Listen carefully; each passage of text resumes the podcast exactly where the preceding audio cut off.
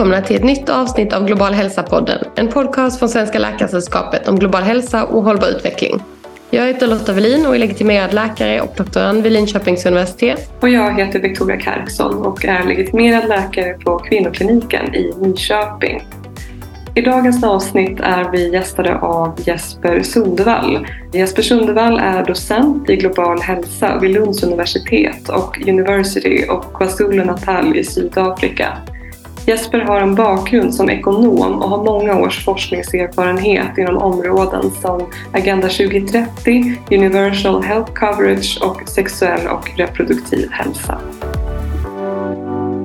Hej Jesper! Det är jätteroligt att, eh, att du vill vara med på, i podden idag. Eh, men vi tänkte till att börja med då om du kan berätta lite mer om din väg inom global hälsaforskningen och mot dit där, där du är idag. Hej, tack så mycket. Kul att få vara med. Alltid roligt att få fråga och prata om, om saker som ligger en varmt om hjärtat. Ja, jag satt och funderade på det. Vad är egentligen min väg in i global hälsoforskningen? Och för min del så var det väl ganska mycket en slump, trots allt. Jag jobbade efter att jag hade pluggat min ekonomiutbildning i Uppsala så jobbade jag för en professor där. Och en dag så sa hon till mig att jag ska åka till Sida och träffa en eh, tidigare student och prata om en grej. Och då sa jag halvt på skämt, halvt på allvarligt så här, kan inte du kolla om de har något jobb åt mig? Och så kom hon tillbaka några timmar senare och sa nu kanske jag har ordnat ett jobb åt dig på Sida. Och eh, för att liksom eh, låta klyschorna på den vägen är det. För så blev det då att jag gjorde ett uppdrag tillsammans med henne som handlade om att titta närmare på svenskt bistånd till hälsa i tre länder. Det var i Bangladesh, Uganda och Zambia. Och ja, men vi gjorde det uppdraget. Det blev väl lyckat tyckte jag. Under tiden lärde jag känna personer som jobbade inom global hälsa då, eh, i och med att jag var runt i världen och eh, hamnade då eh, i att jobba i ett projekt på Karolinska institutet om hur man involverar den privata vårdsektorn i låg och medelinkomstländer. Och så var jag där i ett par år och hade väl egentligen ingen så jättetydlig tanke på att doktorera. Men, men ju längre jag var där så blev det väl också klarare för mig att om man ska vara på ett universitet i längden så kanske man ändå ska Plus att jag hade fått ögonen för att jag ville gärna jobba i FN-systemet någon dag. Så tänkte jag att doktorera ska jag göra. Det är en bra grej att liksom kunna ta sig vidare i karriären. Och sen så var det då en, en, en liten avstickare där ner till, till Zambia när jag fick en så kallad BB-tjänst, en trainee-tjänst på Sida inom eh, ett stöd som de hade till universitetet där med att jobba med hälsoekonomi och hälsofinansieringsfrågor i Zambia då, specifikt. Så jag var där i ett och ett halvt år ungefär och sen kom jag tillbaka till KI och stakade då in på liksom en, och blev doktorand på heltid på en avhandling som handlade om eh, biståndseffektivitet kopplat till hälsosektorn i Zambia. Sen så disputerade jag 2010 och tänkte att nu ska jag göra andra saker. Och vi fick barn och liksom ville ha en trygg tillvaro så jag jobbade mig igenom lite olika myndigheter. Jag var på Riksrevisionen jag var i Sveriges riksdag. Jag jobbade en stund för eh, den här expertgruppen för biståndsanalys innan vi sedermera liksom hamnade i Zambia. För att jag fick ett jobb då för Sida och jobbade på deras regionala SRHR, sexuell och reproduktiv hälsa och rättigheter team i Lusaka. Eh, och var vi där i tre år hela familjen och så återvände vi till Sverige och min fru skulle jobba för hon hade varit medföljande några år och hamnade då i Malmö och där så visste jag inte vad jag skulle göra för att jag hade inget jobb. Jag var föräldraledig och så sökte jag mig tillbaka till universitetet och eh, hade turen att träffa på den gruppen här då, inom socialmedicin och global hälsa som eh, erbjöd mig att komma dit och, och vara där och det är nu ja, fyra år sedan. Så då blev det universitetet igen. Det var inte helt planerat men jag är väldigt, väldigt glad att liksom ödets lott föll så ut. Så nu sitter jag här som forskare i global hälsa igen. Eh, verkligen spännande resa.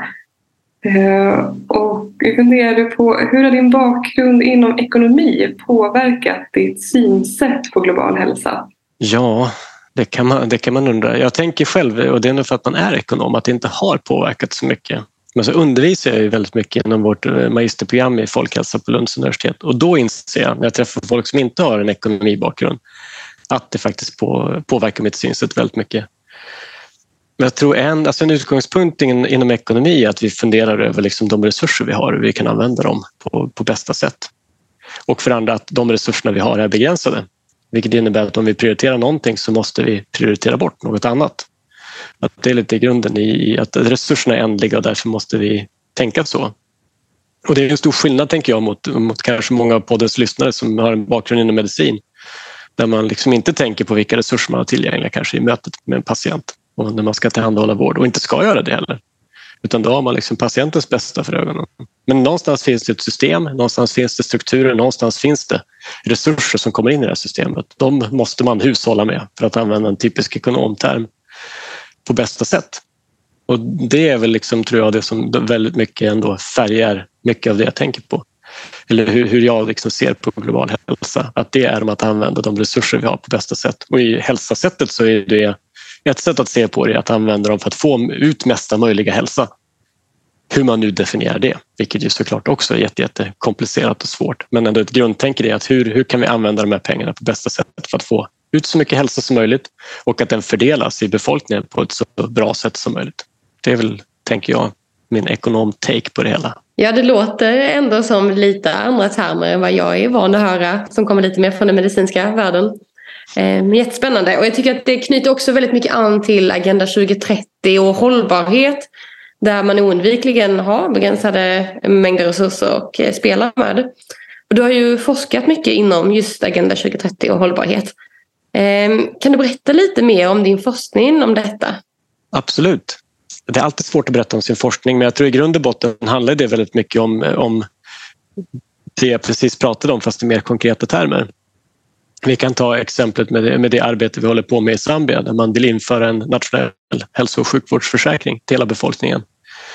Och hela tanken med att införa en försäkring är ju att man ska erbjuda bättre tillgång till vård och också erbjuda vad man kallar ett finansiellt skydd eller ett skydd mot katastrofiska vårdutgifter. Jag har ingen jättebra term på, på svenska för det här, men att man betalar en väldigt, väldigt stor andel av sin inkomst eller sina tillgångar för att få tillgång till hälso och sjukvård.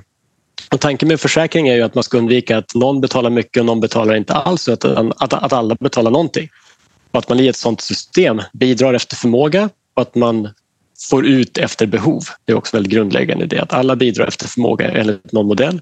Men inte att man liksom ska få ut i relation till hur mycket man har stoppat in i den här försäkringen utan att man får ut efter de behov man har i termer av vilka hälsobehov man behöver. Och vi vet ju alla som har jobbat inom hälso och sjukvårdssystemet att det är ofta en ganska liten grupp människor som tar upp en väldigt stor andel av resurserna. Och så ser det ut i de allra flesta länder. Att det är verkligen, en del har ju turen att vara friska och må ganska bra hela sina liv och inte ta så mycket vård i anspråk. Men för att man ska få ett system som ska fungera så måste alla bidra, även de som aldrig blir sjuka och även de som alltid mår bra. Och det är väl grunden i det. Och då tittar vi på, om okay, man nu har ett system där man inte har en försäkring och så för man in en försäkring. Ser vi då att människor får en bättre tillgång till vård då ser vi då att deras utgifter för vård faktiskt kan minska så att de skyddas från de här katastrofala vårdutgifterna. Och så inte nog med det, utan vi vill ju också då sen se hur, hur fördelar sig de här effekterna i, i befolkningen så att det inte bara är de rika som faktiskt får bättre tillgång till vård, för att ta ett enkelt exempel, eller bara de rika som, som får bättre hälsa, utan att de här effekterna faktiskt fördelas på ett sätt som kan se ut någonting efter behov. Att även alla inkomstgrupper i samhället, alla befolkningsgrupper, kvinnor, barn, vuxna, eh, marginaliserade grupper eller de som har allra liksom, sämst tillgång till vård. Kan vi se en effekt i alla de grupperna? Om, med någon tanke om att det också ska införa ett element av mer jämlik, jämlikhet i systemet. Vad spännande. Det låter ju som att ni också jobbar väldigt mycket i gränslandet mellan eh, forskning och policy eller politik. Eh, kan du berätta någonting om hur det ser ut just att ta forskningsresultaten vidare eller, eller hur den processen kan se ut? Eh, absolut. Jag tror kanske inte att jag så ofta känner att man direkt är med och påverkar policy men, men det är definitivt så att det vi håller på med har en väldigt tydlig praktisk relevans för beslutsfattande. Och det tror jag också är någonting som är viktigt för mig som forskare är att det på något sätt finns en poäng med att både ställa den fråga vi ställer och att besvara den. Om ni inte gör det så har jag lite svårt att gå igång på liksom frågor som går att beforska men som kanske inte man vet varför man söker svaret på. tycker jag är svårare att, att, att se intresset av. Men vi jobbar ju i alla de samarbeten, som, eller all, all min forskning så jobbar vi ju hand i hand, är kanske inte rätt ord, men vi jobbar definitivt nära samarbete med liksom, lokala beslutsfattare hälsoministerier.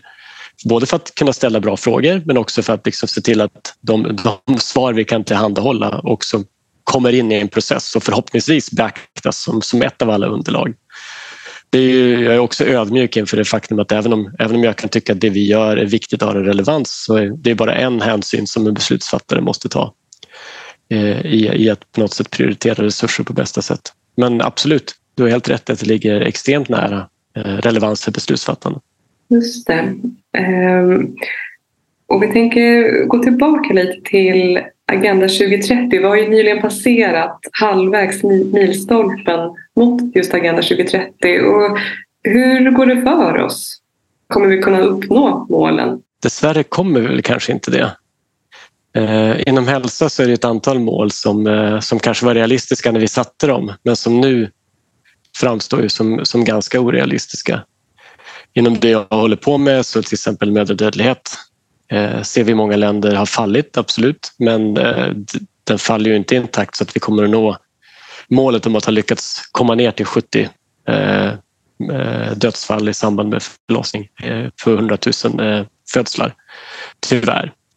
Vi kommer ju med största sannolikhet inte ha lyckats stoppa hiv-aids-pandemin innan 2030 heller och många andra mål heller. Så det, nej, det ser mörkt ut i termer av just de specifika eh, kvantitativa mål vi har satt upp för liksom hälsans utveckling i världen, tyvärr.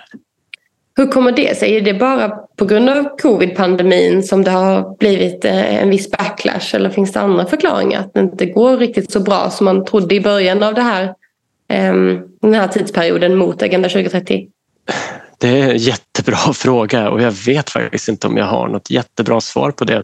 Vi håller på att fundera på den här frågan i Zambia för där har man, det är ett typiskt sånt land som där gick ganska snabbt neråt både i spädbarnsdödlighet, eh, barnadödlighet, mödradödlighet under ett antal år de senaste 20 åren. För att nu ser man liksom en, det planar ut, det stagnerar, det avtar den nedgången. Och eh, vi har väl inget entydigt svar på varför men det finns väl ett antal hypoteser och den ena är väl att, att man kanske har liksom nått de lågt hängande frukterna eh, i termer av vad man kan uppnå relativt enkelt genom att till exempel ha bättre mödravård. Eh, att man kan ha tillgång till att man faktiskt kan föda på klinik istället för hemma. Eh, att man har liksom vaccinationsprogram som fungerar och så vidare. Och så vidare. Och det kan man nå en, en bit med, men man kan inte nå kanske så långt som vi hade hoppats utan det kräver, tror jag, en, en tydligare uppgradering av systemet.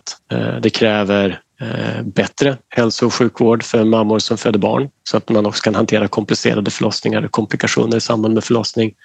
Det kräver också andra frågor som är bortom hälsa, till exempel lagstiftning kring eh, rätten till abort laglig och säker abort där man inte alls har kommit så långt i många länder som man kanske hade hoppats vid det här laget. Så jag tror att det är en kombination av faktorer men jag tror att vi liksom har, har gjort de, de, många av de enkla sakerna. Och sen har vi det fundamentala faktumet att hälsan är extremt ojämlikt fördelad i många av de länder där det går trögt.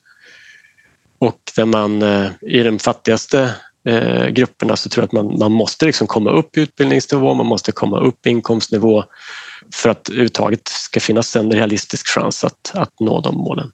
Men ja, det är en eh, komplicerad och komplex fråga.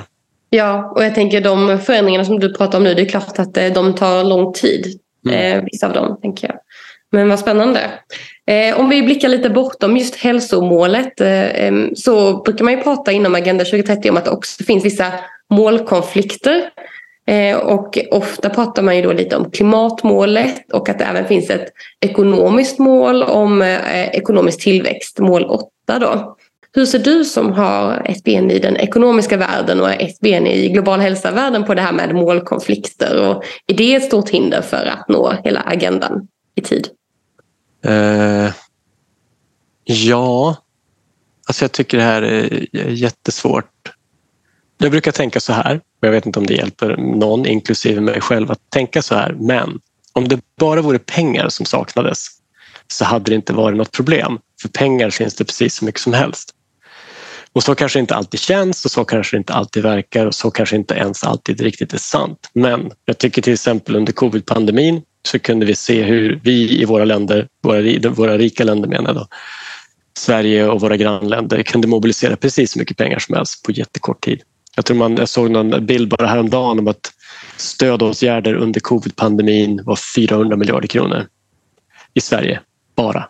Vilket ju då är nästan åtta gånger vår biståndsbudget under två år. Så liksom vi lyckas trolla fram 400 miljarder bara för att hålla ja, men tillfälliga ersättningar i arbetslöshetsförsäkringen. Alltså vi hade en massa offentliga utgifter som vi kostade på oss för att hantera konsekvenserna av, av lockdowns kring covid och så vidare. Så pengar finns det ju uppenbarligen precis hur mycket som helst. Så det måste vara något annat som är problemet. Eh, när man då som ekonom inte eh, liksom tycker att det, då, då kanske det handlar om resurser i viss mån. Och där kan det finnas kanske någon sorts målkonflikt mellan resurser och vårt sätt att leva och hur mycket resurser det faktiskt finns tillgängligt. Vi, vi lever ju ett sätt som vi säger, vi lever över våra tillgångar, vi lever över våra resurser och då kanske man inte pratar, då pratar man inte om pengar utan då pratar man om planetens resurser eller vår världs resurser i några andra termer. Och de är begränsade så vi måste hitta ett annat sätt att använda dem på. För jag tror inte att det, det, det är också det man måste ha i åtanke att i den här målkonflikten så är det inte ett alternativ att de människor som idag lever i fattigdom eller har det materiellt eller ekonomiskt sämre än oss inte ska kunna få det lika bra som oss. I alla fall inte i min liksom, framtidsvision om världen utan det är på något sätt att alla ska kunna lyftas till en liknande nivå av välstånd. Så det måste vi på något sätt bara lösa. Jag kommer ihåg Hans Rosling sa det någon gång och det sitter kvar i huvudet på mig. Att jag tror han fick någon som fråga i en intervju om att liksom, det funkar inte om alla i Kina ska ha en bil ungefär. För att det, det blir, det, det, kan vi inte klara av. Och han, han hade väldigt mycket den hållningen att säga, men vi måste bara få det att funka. Det är liksom inte ett alternativ. att Vi kan inte förvägra någon annan den tillväxt eller det välstånd vi har. Utan då måste vi ju antingen hitta ett sätt att använda våra resurser smartare eller att också liksom förändra hur, hur, hur vårt välstånd och vår, eh, hur det ser ut. Så det är väl ungefär så mycket det svar jag har på det. Men det väl, om det är en målkonflikt eller inte, men det kräver, visar väl i alla fall hur otroligt viktigt det är att vi hittar liksom bättre lösningar på saker. Eh, absolut. Det är ja, väldigt intressanta och viktiga aspekter som, eh, som du tar upp där Jesper. I somras här då, om vi går ja, tillbaka till Sverige, eh, så gick ju regeringen ut med att Eh, anslag för biståndsforskning kommer att minska och det är både dramatiskt och ganska plötsligt. Eh, och du har ju varit aktiv i den här debatten genom både diverse upprop och debattartiklar. Eh, och kan du berätta mer varför du tycker det här är så viktigt? Absolut, gärna. Nej, men det var ju liksom ett, ett, en, en smäll som heter duga. Men jag vill gärna att vi backa bandet en sekund och inte kalla det biståndsforskning. Utan det här är ju forskning som kommer från biståndspengarna men som handlar om frågor kopplat till global utveckling. Det kallas utvecklingsforskning. Jag föredrar att kalla det kanske forskning för global utveckling. Det är frågor som liksom knyter nära an till Agenda 2030 och hållbarhetsmålen och även att liksom, ja, målet om minskad fattigdom och bättre hälsa och så vidare. Så det är inte specifik biståndsforskning utan det är forskning för global utveckling som finansieras av biståndet. Och varför jag tycker det är viktigt? Ja, men det är för att jag, jag tycker att den forskningen är viktig. Eh, både för att vi vet, vi har sett eh, särskilt inom området hälsa, konkreta innovationer som har kommit ut av den typen av forskning som har bidragit till en bättre hälsa i världen. Jag pratar om koleravaccinet eh, till exempel som har lyfts som ett exempel i det. Sen så den forskning jag håller på med är ju absolut inte så konkret att jag kan hävda att den räddar några liv eller bidrar till tydligt och enkelt bättre hälsa. Men vi vet att det är, är forskning som, som har en, ett behov i de land, länderna där vi bedriver den. Vi vet att det är viktigt att bygga lokal forskningskapacitet, vilket de här pengarna har varit ett, ett oerhört viktigt instrument i.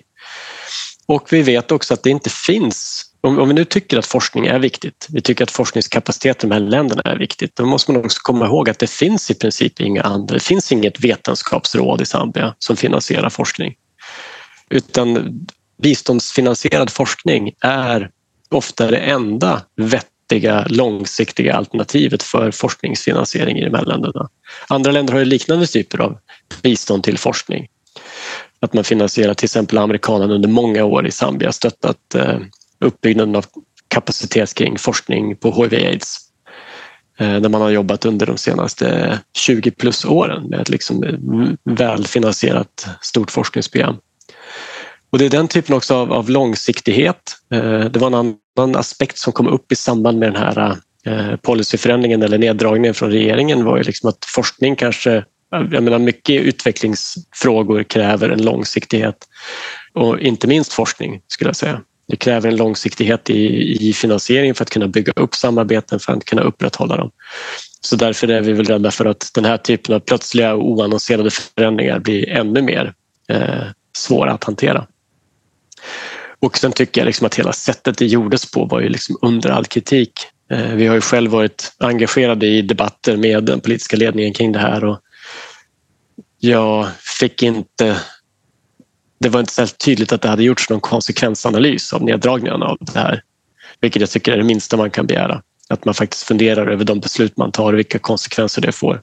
Och att när vi på något sätt fick tillfälle att, att prata med dem och förklara konsekvenserna så var det nog lite av ett uppvaknande för dem om hur realiteten ser ut för den här forskningen som bedrivs. Och tycker man då att den är viktig och att ogenomtänkt slå undan ett av benen är oansvarigt och ja, snudd på oförskämt faktiskt.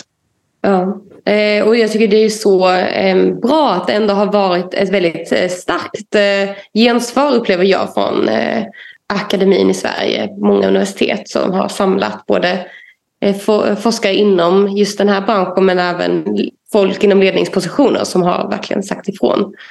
Och det känns ju väldigt positivt att se. Jag tror utbildningsministern har lyckats få två arga brev från eh, Sveriges rektorer inom loppet av ett halvår, vilket i sig måste vara någon sorts bedrift i hur ja. mycket man kan stöta sig med högskoleväsendet. Sen om man ville det, jag vet inte om man ville det. Men eh, det, det var lite, ja, ja, något av ett rekord tror jag. Ja, ja vad spännande. Eh, hur skulle du säga att du nu ser på framtiden för global hälsa och global utveckling i Sverige? Tycker du att man ändå kan se något typ av hopp eller känns detta som eh, ett steg i eh, en större process av att nedmontera infrastruktur som har byggts upp under lång tid? Eh, nej men jag ser med tillförsikt ändå ska jag säga och det gör jag Alltså det finns ju mycket, mycket att oja sig över. Vi har ju, tycker jag, en regering och framförallt en samarbetspartiet i regeringen som är ganska ointresserad av frågor kring hur världen ska utvecklas på ett positivt sätt. Och det på något sätt är ju jätteutmanande såklart. Sen så vet vi ändå att den nuvarande regeringen är, eh, är det någonting de tycker är viktigt inom liksom globala frågor och utvecklingsfrågor så skulle det nog kunna vara hälsa. Så jag tror att hälsa kan ligga ändå ganska bra till jämfört med många andra frågor eh, inom ramen för biståndet, inom ramen för Agenda 2030. Jag har sett utkast på den här reformagendan som ska lanseras någon gång under hösten och där finns det ju liksom tydliga prioriteringar kring global hälsa, kring sexuell och reproduktiv hälsa, kring jämställdhet, kring eh, kvinnor och unga flickor. Det klassiska svenska paradfrågor inom global hälsa. Så på så sätt så, så det är väl, det är väl ett positivt tecken i det hela. Men jag tycker det är mer det här att vi har ja, men en, ett tidevarv av liksom, eh, där, vi, där vi tänker väldigt mycket på oss själva. Det är liksom vi och vårt land i Sverige och våra problem och vi pratar om, det känns ibland som att vi står liksom ätterstupan i det här landet och det är ju, tycker jag, rätt svårt att känna igen mig när jag å ena sidan kan tycka att vi har det bättre än någonsin. De allra flesta människor i det här landet har det jättebra. Men när man säger det så i vissa kretsar är det som att vi, vi inte vågar se problemen. Och det tror jag är för mig en, en vattendelare. Liksom, vi, vi har slutat titta på liksom, eh, vårt samhälle och vårt samhällsbygge med positiva ögon. Istället titta på det med väldigt negativa ögon. Och det tror jag är dåligt. Och vi tittar på världen på det sättet också. Alldeles för ofta. Som att det, eh, ja, jag vet inte hur jag ska förklara det bättre än så. Det var en fin artikel om, eh, det var 50 år sedan kuppen i Chile. Jag läste en artikel häromdagen skrivet av en forskare som var med på den tiden och han sa det, på den tiden var vi i alla fall optimister. Kanske inte alltid hade rätt, men vi var i alla fall optimister. Och lite det kan jag tycka, att vi behöver lite optimist. Och igen, jag var ju student under Hans Rosling och han var väl liksom positivist var väl hans grej. Jag tror vi behöver lite mer av det. Positivist eller optimist. Poss possibilist, jag tror han var. Möjligen, ja. Mm, mm. Ja, verkligen. Vi behöver på något sätt komma tillbaka till det. Um, mm. Och få förändring där igen på något sätt. Och jag tänker, ja, som din roll då eh, som forskare och, och kanske även också andra då inom, inom vården. Men eh, hur, hur, ser du på din roll och ditt ansvar eh, när det kommer till sådana här samhällsfrågor? Jag tycker att vi har ett jättestort ansvar. Eh, jag tycker vi har ett ansvar att vara med i en, i en offentlig debatt och det är inte, alltså alla, alla, måste inte det, det är inte det jag säger, men jag tycker att vi, vi som kanske vill vara med i den debatten har ett ansvar att vara det. Men det som kanske är ännu viktigare det är på något sätt att, att vara med och våga ha ett fortsatt nyanserat sakligt samtal. För jag tycker också i dagens samhällsklimat det kan bli ganska polariserat. Vi vill kunna ge liksom enkla svar på svåra frågor. Och många frågor är väldigt komplexa och svåra och det är jag säger inte att, att forskare alltid är de bästa att besvara dem heller, verkligen inte. Men jag tror att vi kan eh, på något sätt upprätthålla någon sorts sans i, i ett polariserat debattklimat. Sen tycker jag att det är Alltså vi har ett stort ansvar tycker jag att i större utsträckning interagera med beslutsfattare. Och, eh, och det är beslutsfattare i bred mening. Det är inte bara politiker i riksdagen som jag pratar om utan beslutsfattare inom myndigheter eller de som är med och, och styr och sätter prioriteringar om att ja, men, inte tro liksom att så här, nu gör jag en studie och så skriver vi en artikel och så publiceras den och så ska folk läsa den och liksom ta till sig forskning. Jag tror inte att det nödvändigtvis funkar så. Det funkar absolut inte så inom de frågor jag håller på med utan på något sätt så måste man också vara en del av diskussionen kring beslut som tas för att förstå. Jag som forskare har ett ansvar att förstå vad beslutsfattandet står inför för utmaningar om det liksom makes sense.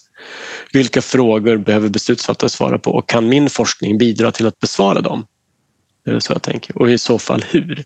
Inte liksom, det är väldigt sällan en studie jag gör som forskare besvarar en konkret fråga som en beslutsfattare har på bordet. Den, det kan kanske hända om alla stjärnor står rätt men oftast funkar det inte så. Utan den kunskap vi bygger upp kan vara med och hjälpa till att besvara komplicerade frågor. Och jag har ett ansvar för att kunna förklara hur mitt bidrag kan vara med och svara på det och vad jag inte kan svara på och vilka andra typer av information eller beslutsunderlag man behöver. Och det gör man, liksom, tror jag, igen genom att man har en mycket mer kontinuerlig interaktion. Eh, I vårt fall så försöker vi ha det genom det här nätverket för utvecklingsforskning som jag är med i. Att bygga upp eh, arenor, plattformar, eh, mötesplatser mellan beslutsfattare och forskare för att inte liksom en gång så här, hej nu presenterar jag en rapport och sen så går vi alla tillbaka till det vi gjorde innan. Utan att vi har mer liksom ett kontinuerligt samtal. Vi ägnar en del av vår tid att förstå de beslut ni håller på med, de, de processer ni är inne i. Och ni ägnar lite mer tid åt att förstå vilken forskning jag gör så ser vi hur vi kan bidra till varandras gemensamma lärande. Typ. Det låter ju väldigt klokt men jag tycker också att det låter väldigt utmanande. Mm. Eh, att eh, försöka vara en del av en liksom, sansad debatt när det samtidigt är väldigt polariserat. Har du några tips och råd hur man kan liksom försöka hålla sig tålmodig och sansad när debattklimatet blir så pass eh, eh svårnavigerat? Gör som jag säger, gör inte som jag gör kanske. jag vet inte om jag alltid är helt bra på det heller men nej, jag vet inte. Alltså skriva debattartiklar tycker jag är bra. Det är rätt kul och att det, då, då tvingas man ju tänka efter lite. Och man får ändå ganska bra spridning och genomslag. Man tvingas formulera sina argument, man tvingas liksom tänka igenom exakt vad det är man vill säga och hur, hur väl underbyggt det är. Det är lätt att liksom twittra någonting eller slänga ut någonting på sociala medier. Men det blir ju kanske inte, får inte samma genomslag, det kan lätt bli fel. Försöker själv vara aktiv på Twitter men jag undrar varför jag är det. För att det liksom blir bara knäppt allting och det blir dåliga diskussioner. Men ja, jag vet inte. Nej, så jag, jag, är, jag är inte helt stringent i det där heller. Det är högt och lågt. Och, ja, det är svårt men ändå, men ändå lite tips. Det får vi tacka för. Ja. Eh, och vi tänkte för att avsluta så skulle vi vilja ställa några snabba frågor till dig för att lära känna dig lite bättre. Vänta, jag har, får, jag, får jag ta en sak till här? Självklart. Nej, men jag kommer att tänka på en sak till och det är ju att, att bygga relationer med folk som sitter i beslutspositioner av olika slag. För jag, tror, jag tycker själv att jag har ju själv jobbat på Sida eh, och jag tycker att jag försöker upprätthålla de relationerna jag har där för att jag tycker att det är viktigt. För att jag, både för att jag är nyfiken och jag tycker att min egen forskning blir intressantare om jag förstår vad de som jobbar med bistånd och hälsa håller på med och tycker är viktigt. Men också då för att jag, jag ser ju då också när jag kan bidra med någonting. Så jag tror att det, och det, det, tror jag, det handlar om att vill man, vill man på något sätt bli lyssnad på så måste man ju också bygga upp ett förtroende att bli lyssnad på.